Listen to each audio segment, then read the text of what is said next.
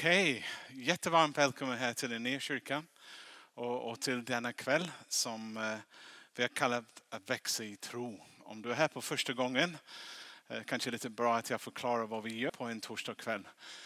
På en torsdagskväll vi följer lite, lite bilder som om du tittar upp. Det handlar om en massa ringar och, och det beskriver våra resa, vår livsresa från kanske inte ha någon aning om vem Gud är till att börja bli intresserad. Och sen kanske man, man tar det steget om man vill bli kristen. Och sen när man har blivit kristen, det är inte slutmålet. Målet är faktiskt att fortsätta och, och bli den person som, som Gud har skapat dig att vara. Och Jesus erbjuder oss inte till, bara till frälsning, räddning, utan han bjuder oss till ett liv och ett liv i överflöd. Så på en torsdagskväll vi försöker diskutera saker som har med men hur växer jag i min tro? Hur kan jag ta ett steg till?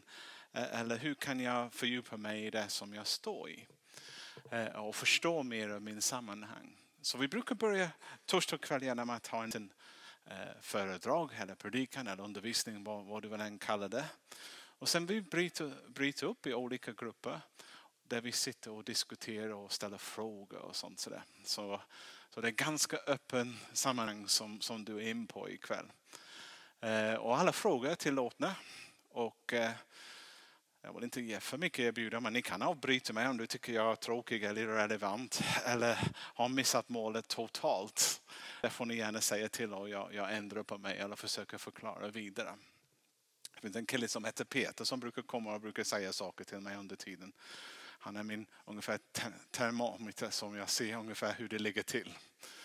Men eh, ikväll har jag tänkt att eh, vi ska prata om rent praktiskt. Hur leder man Gud? Men innan vi pratar mer, jag tror att det är viktigt som vi, vi bjuder in Gud också för att hjälpa oss förstå. Vi bjuder in en helig ande för att hjälpa oss eh, ja, hjälp oss att fatta helt enkelt de underbara sanningen som han uppenbarar för oss i Bibeln. Jesus, vi tackar dig för förmånen att samlas här ikväll. Och vi ber att du ska leda oss. Kom med din heliga Ande. Öppna våra tankar, våra hjärtan. Så vi förstår mer av vem du är och vem vi är och vad du har kallat oss till. Så att vi inte bara existerar eller lever vårt liv på, på rutin utan att vi lever det äventyr som du har kallat oss till ett liv i överflöd. Så kom helige Ande och hjälp oss nu, jag ber. Amen. Amen. Eh. Egentligen, eh, att bli, om jag kommer, jag kommer sikta där egentligen från troende till överlåten till, eller från medlem till lärjunge. Det är ungefär det som vi siktat in idag. Någon som jag pratar mest för er som har tagit ett steg och blivit kristen. Och sen när jag, när jag hört folk säga att men vi ska följa Gud, vi ska följa Jesus, vi ska bli hans lärjungar. Hur gör han det?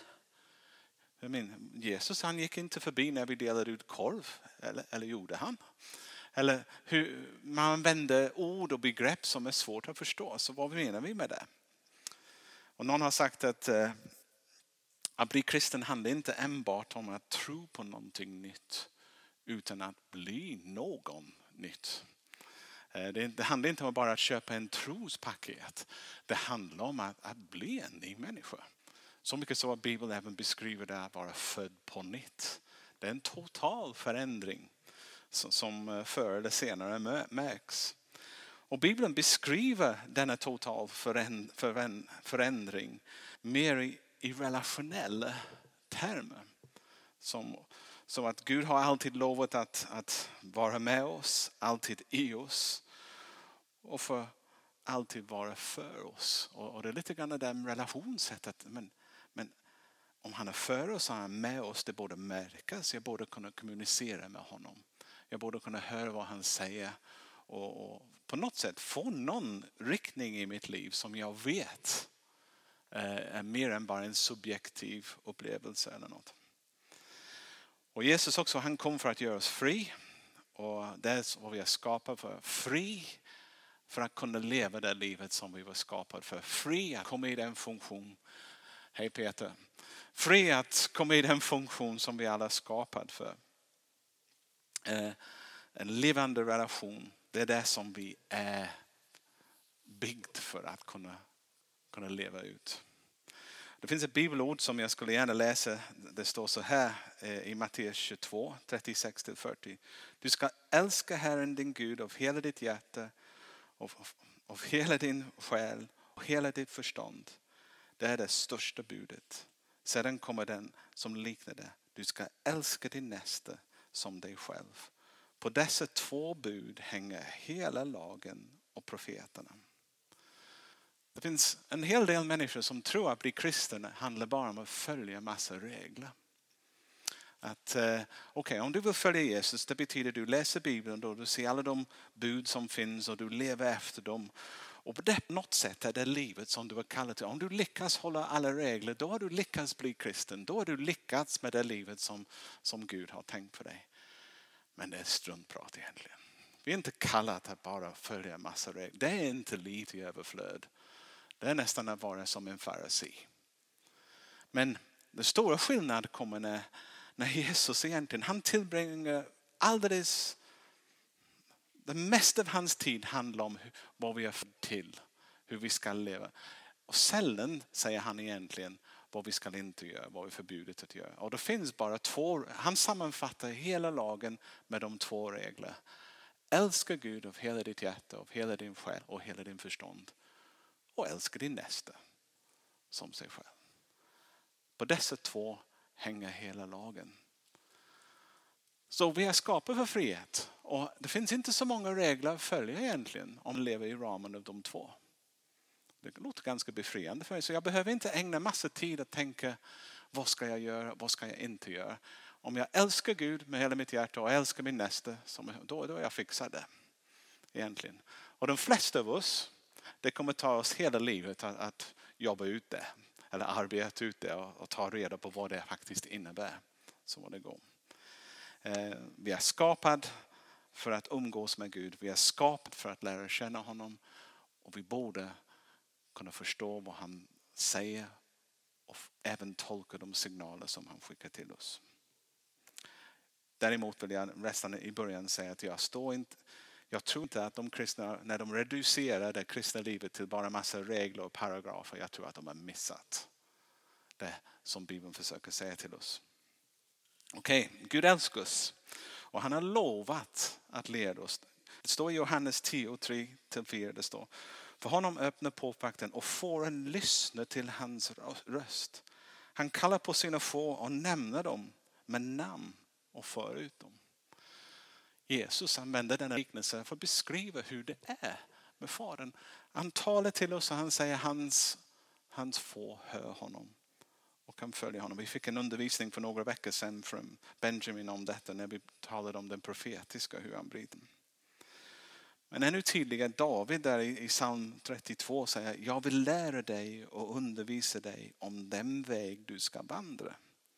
Jag vill ge dig råd och låta mitt öga vaka över dig. De är personliga tilltal. Det står inte att jag ska se till att du följer alla regler och paragrafer och sen ska jag markera dem efteråt och rätta dem. Det är inte det som han säger. Relationsstöd, jag ska lära dig och undervisa dig om den väg du ska vandra. Och det står i Jeremia att Gud faktiskt har en plan för vårt liv. Vi är inte bara här för att äta, sova, jobba, äta, sova. Det finns en mening med vår existens.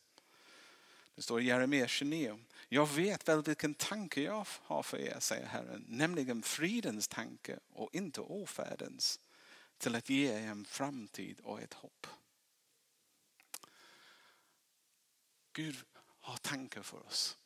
När Gud formade oss, vi var inte en slumpmässig skapelse. Han formade oss och la speciella gåvor och talanger, vissa karaktärsdrag i oss. Vi är originala allihopa. Och han tänkte att ah, det finns en uppgift, det finns en plats för just den här personen. Och han har en dröm om hur de ska fungera också med andra människor runt omkring. Jag har massa bibelverser. Jag tänkte jag spränger det med bibelverser så, så, att ni, ni förstår att det är inte bara någon, någon strumprat jag kommer med. Det, det är väl underbyggt eh, från Guds ord. Så anpassa er inte efter denna världen. Låt er förvandlas genom förnyelse av er tanke. Och sen kommer det här. Så att ni kan avgöra vad som är Guds vilja. Så Paulus skriver till de kristna i Rom att de ska låta Gud förvandla deras sätt att tänka så att de kan avgöra vilken väg de ska gå och hur de ska gå. Mm. Det som är gott, säger han, och behagar honom och är fullkomligt. Och han längtar faktiskt att, att vi upptäcker den resan och börjar vandra på den. Några vers till. Hoppas han inte tröttnar på alla de här, men de är viktiga. Vi är hans verk, står det i Efesierbrevet 2.10.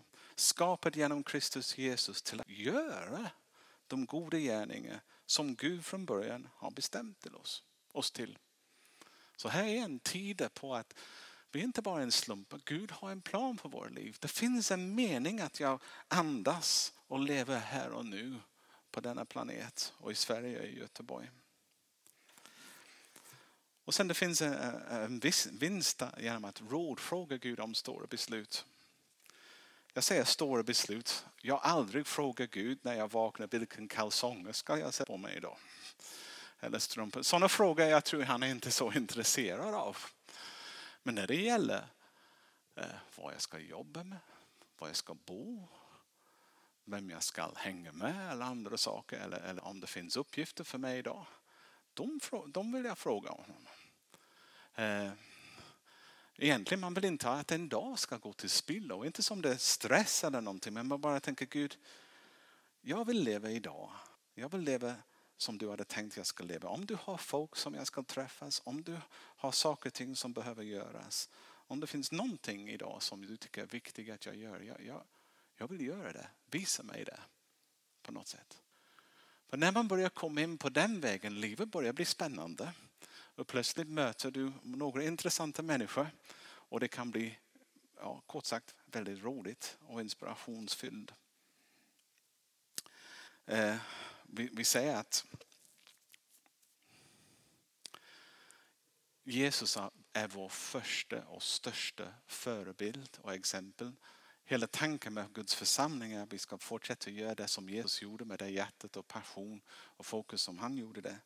Men det står i Lukas 4.1, det står Jesus återvände från Jordan uppfylld av den helige ande och ledd av anden var han 40 dagar ute i öknen. Så här pratar vi om Jesus var ledd av den helige ande och gjorde saker också.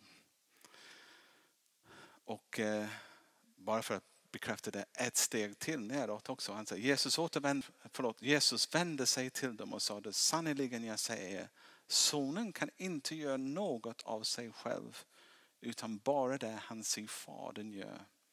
Vad fadern gör, det gör också sonen.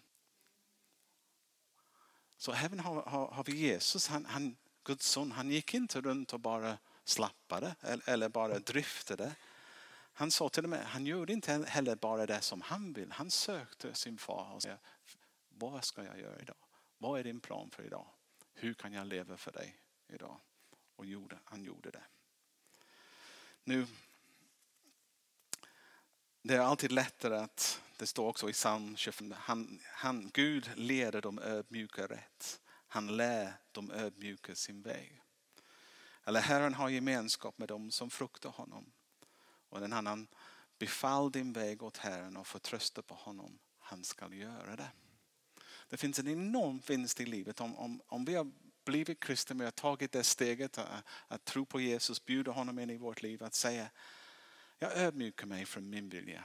Jag bottnar lite, vad, vad vill du med mitt liv? Hur ska jag leva mitt liv? Vad, hur kommer jag in i det livet i överflöd? Hur kommer jag in i, i, i det äventyr som du har tänkt ut för mig?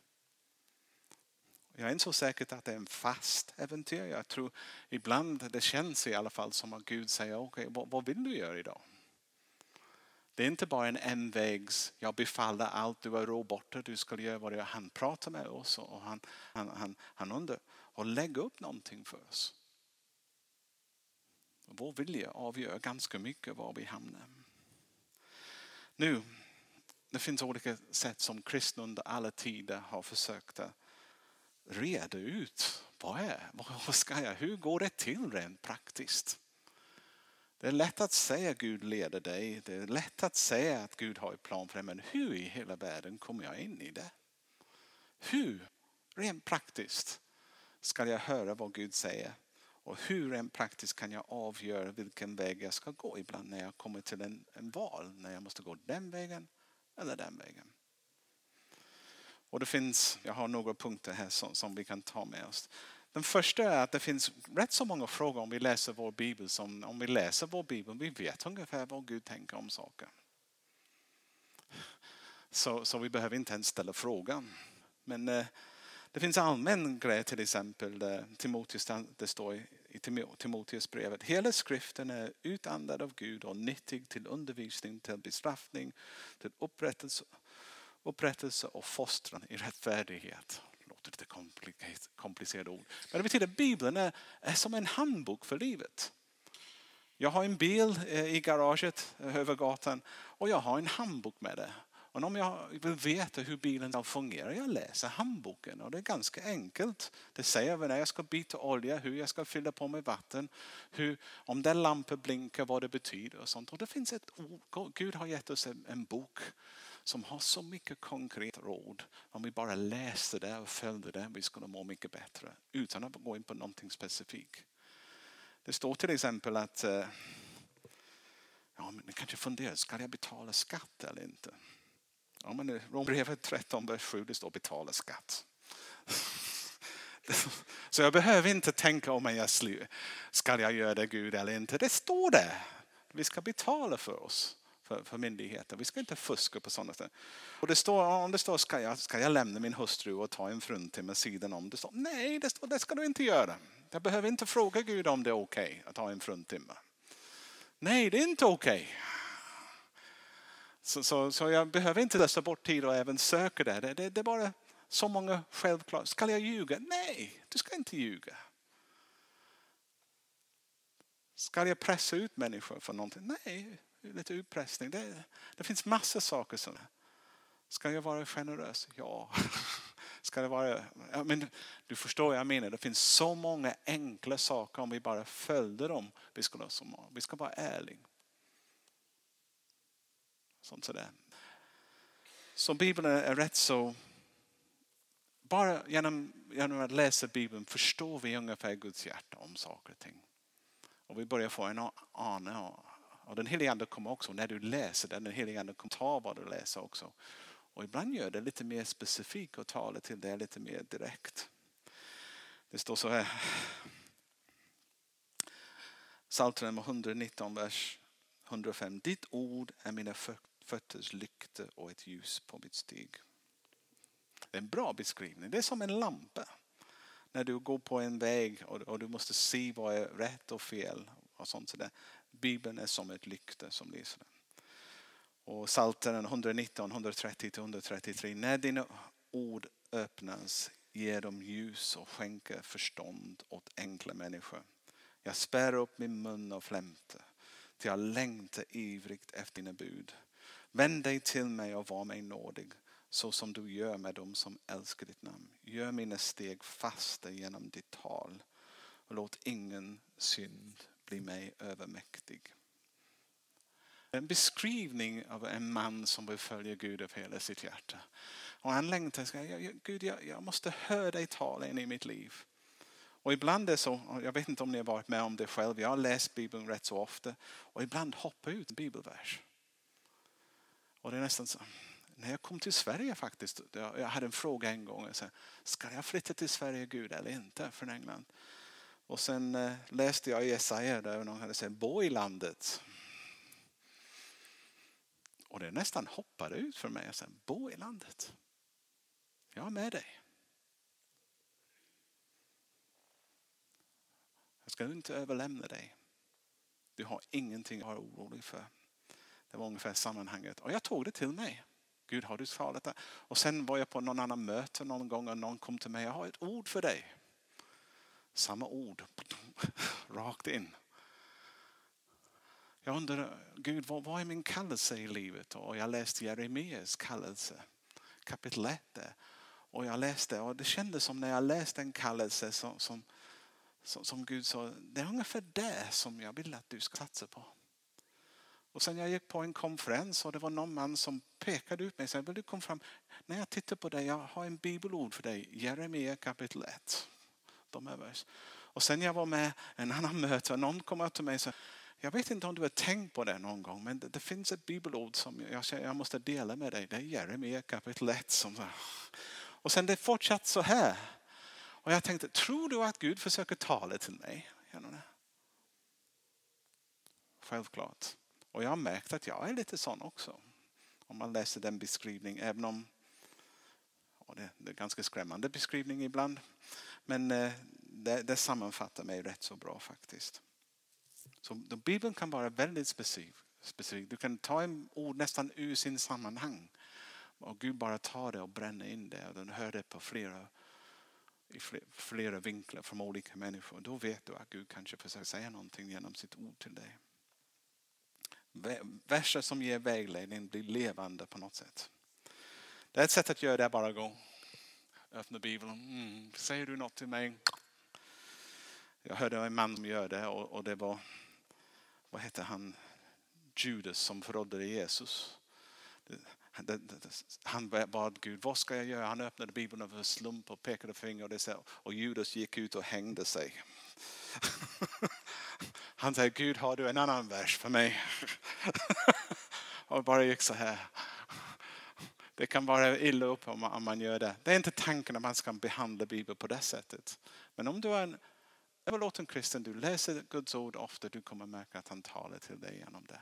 Och ganska specifik ibland om saker som du ska göra. Okej, okay, är ni med? Eller tråkar jag ut er? Jag, jag känner som jag är lite trött och varm, eller hur, ni ikväll.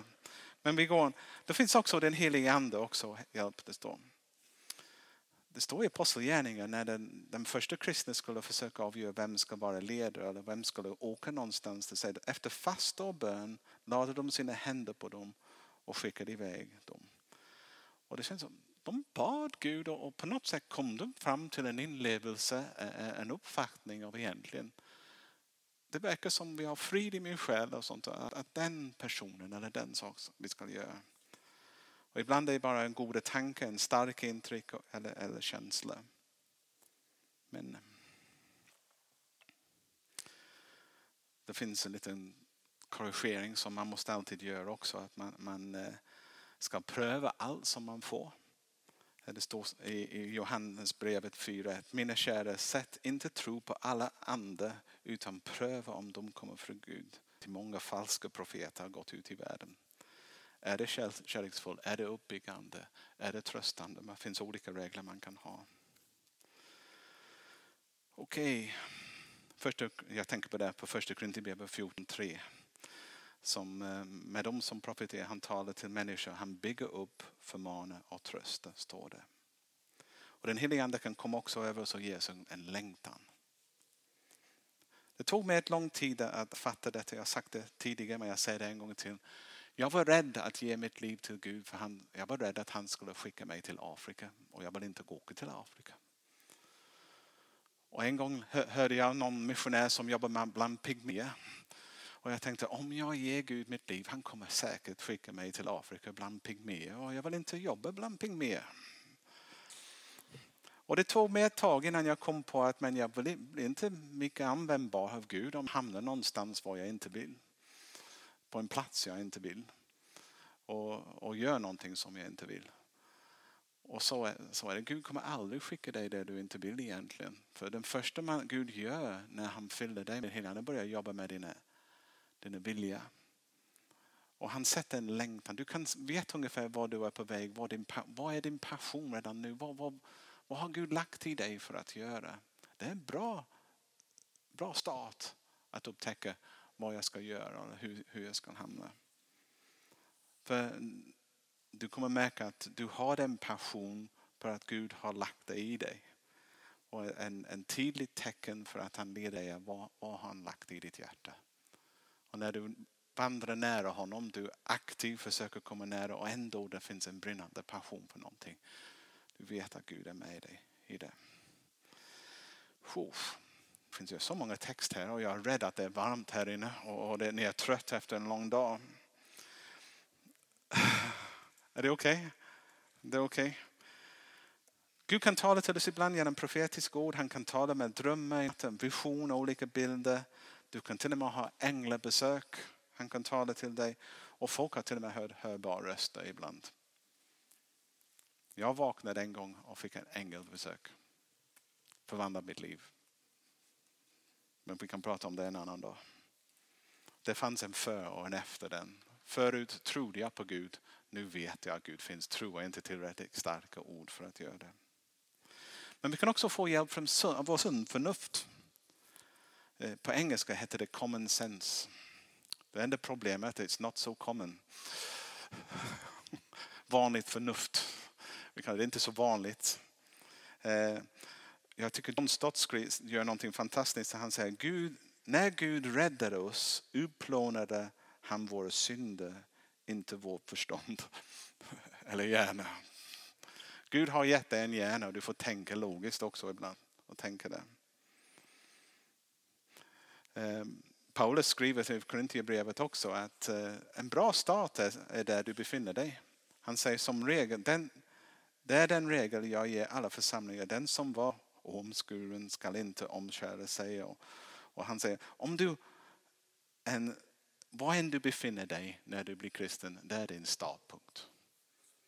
Var än du befinner dig när du blir kristen, det är din startpunkt. Det är inte att du blir kristen och sen plötsligt måste du flytta någon annanstans eller göra någonting annat konstigt.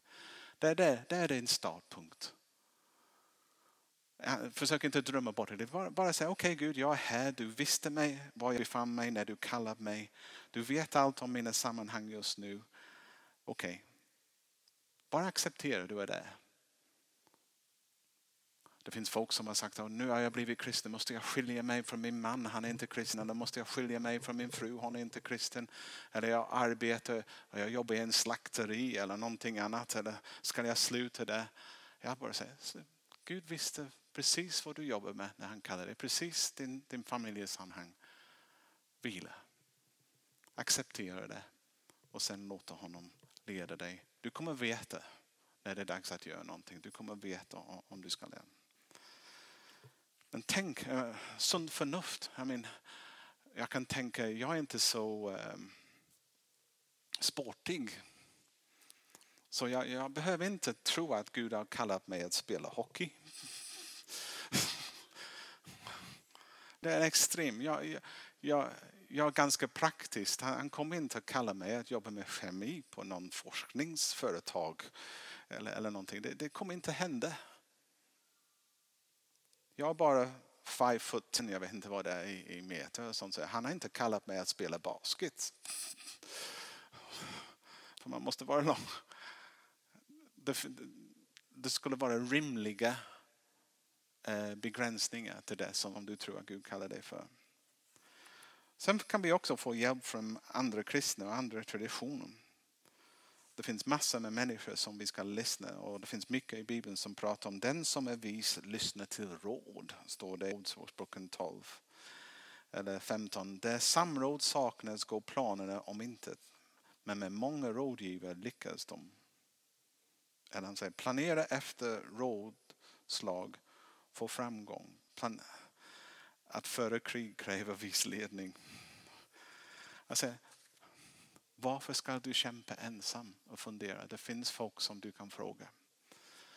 Och vad vi brukar göra, vi frågar, vi frågar människor i vår egen ålder som är precis samma nivå.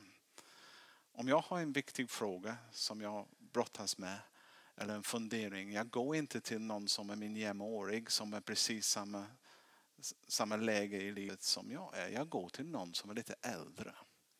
Som har varit där. Som har lite mer distans.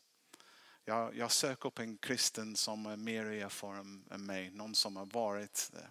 När jag var en ung man till exempel. Jag frågade min, en annan. Det var min pastor faktiskt. Jag sa. Hur vet du om den tjej som jag har är den rätta eller inte? Det var en ganska viktig fråga. Eh, och han, jag ska berätta om hans svar någon dag, en annan dag för er. Det var ett väldigt roligt svar. Vad sa du? Aha, okej. Okay. okay, jag förväntar mig en jätteandlig svar. För han var en djup kristen man, en mycket fin bibellärare. Han sa till mig, ja Andrew, att skaffa en fru är ungefär som att köpa bil.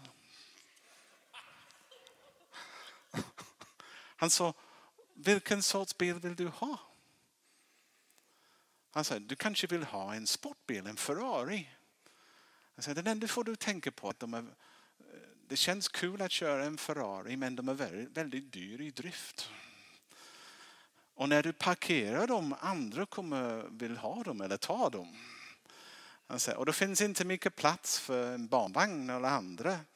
Och, och, och, och de är fruktansvärt dyrt i försäkring och drift. Men de är kul, sa han. Vill du ha en Ferrari, köp en Ferrari, sa han.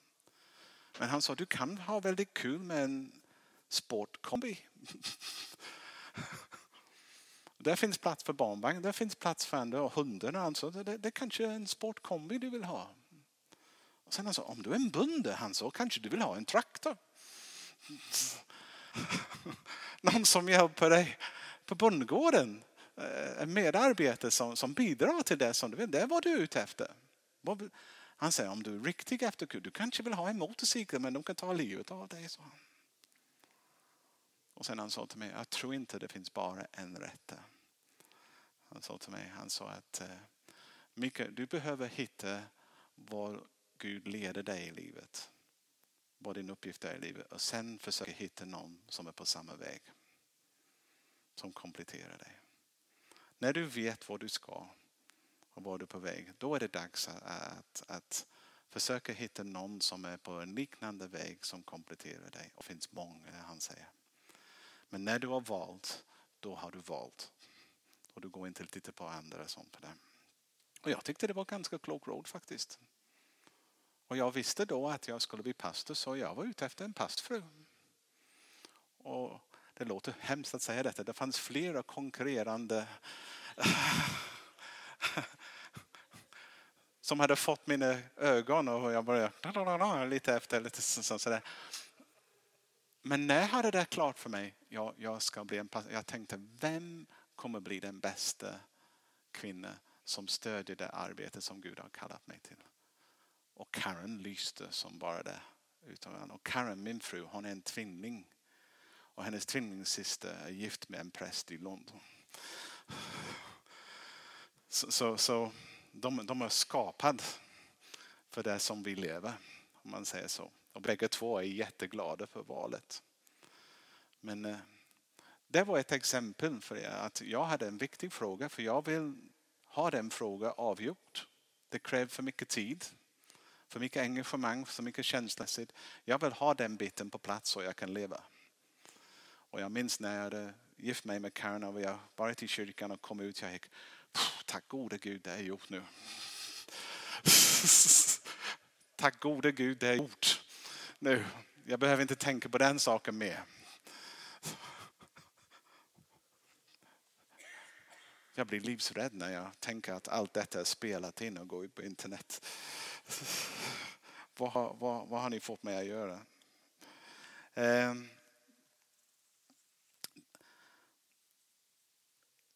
en viktig sak när man frågar om råd. Om man frågar, vem är ansvarig för ditt liv? Det är du.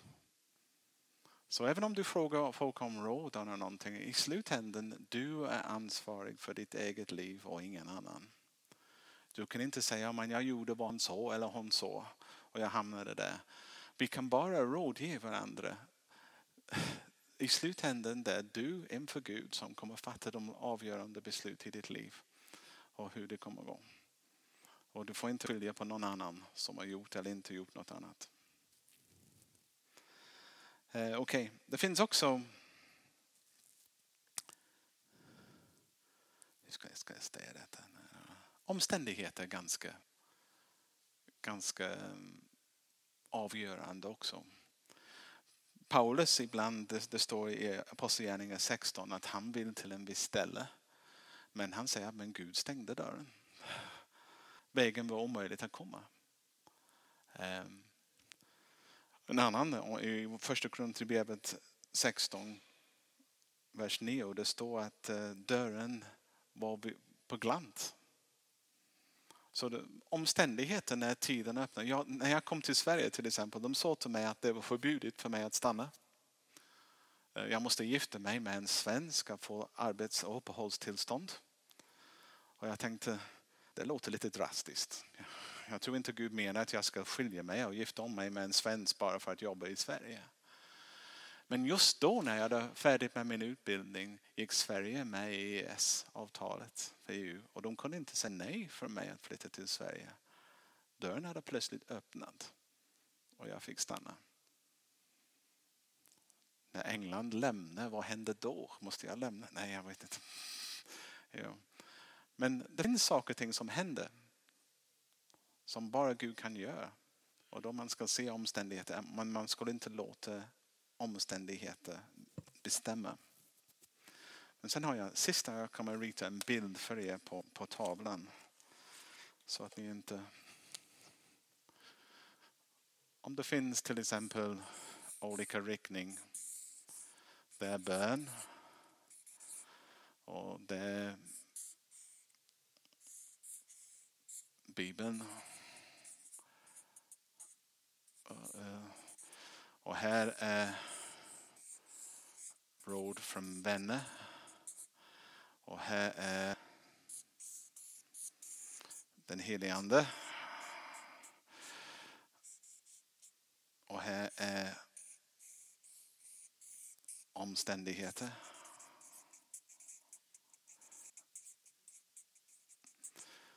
Om mitt liv, om jag har en fråga och alla svar pekar i olika riktning. Vad tror du det betyder? Gör ingenting. Gör ingenting. Men om mitt liv börjar se så här. Det är min stora fråga. Men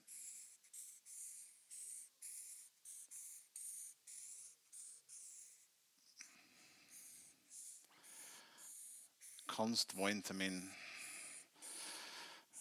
första grej i skolan. Det är min fråga. Om den säger det, omständigheter här. Om Bibeln säger här. Om vänner. Om, om eh, vad för några andra. Sunt förnuft. I verkligheten, du kommer alltid ha en som går så här. jag blir förvånad om alla pekar på, på det. Om jag ställer fråga, en fråga, ska jag gifta mig med sån? Ska jag jobba på det? Ska jag flytta någonstans? Och det börjar se ut sådär. Vad tror du att det betyder? Kom igen, det är inte science. Börja gå i den riktningen. Och det finns så mycket trygghet om du inte bara bygger ditt liv på någon profetiskt tal som någon har gett dig. Eller om du försöker ett bibelord som du har plockat ut. Ja, stora beslut du fattar i livet. Du måste få det måste bli mer än bara en om du ska göra en stor satsning. Och sen kan livet bli ganska spännande. Det blir spännande. När jag ser olika saker som det kommer, kommer igång. Då tycker jag, jag börjar gå, oh, spännande. Och även om det är en, en stor förändring som kommer. Det kan bli en förändring som att flytta till en annan stad, börja med ett annat jobb, börja med någonting annat. Och det kommer så där och det kommer för fler. Jag tänker, åh, Gud har en äventyr för mig. Jag har inget problem. Men om, om jag befinner mig i sådana frågor. Då tycker jag det betyder stanna var du är. Håll på med vad du håller på med och leva. Ni tittar på mig som en sån. Jag tyckte det var vettigt praktiskt. Den viktigaste är att vi frågar Gud. Vi Tanken är inte bara att du lever efter regler, lever efter värderingar, lever efter principer. Du kan förvänta dig att Gud griper in och talar på ett sätt som du hör. Du kan förvänta dig att han, han talar in i ditt liv från oförväntade håll också ibland. Och jag, jag brukar säga till folk, Guds förmåga att leda dig rätt är starkare än fiendens förmåga att leda dig fel. Guds förmåga att leda dig rätt är starkare än fiendens förmåga att leda dig fel. Så om jag ger mitt liv till Jesus, om jag verkligen bjuder honom in i mitt liv och säger jag vill leva för dig, jag, jag vill att mitt liv ska betyda något för någon. Och jag, och jag kan komma till en vägval, ibland ska jag dit eller ska jag dit? Och jag ber Gud, jag får inget svar. När jag kommer i, även i sådana lägen, jag säger Gud, okej, okay, nu måste jag fatta ett beslut. För den bästa min, min tolkning av den uppenbarelse som jag har fått, jag tror jag tar den vägen. Om jag har fel, du får alltid korrigera mig, men jag tar steget. Jag bara inte bara vänta. För Gud har lätt att styra någon som går. Det är precis som en bil, du kan sitta i bilen och vrida på ratten när det är parkerat. Det ändrar inte riktning. Men när det börjar röra sig, då kan du rida. Och då, ja.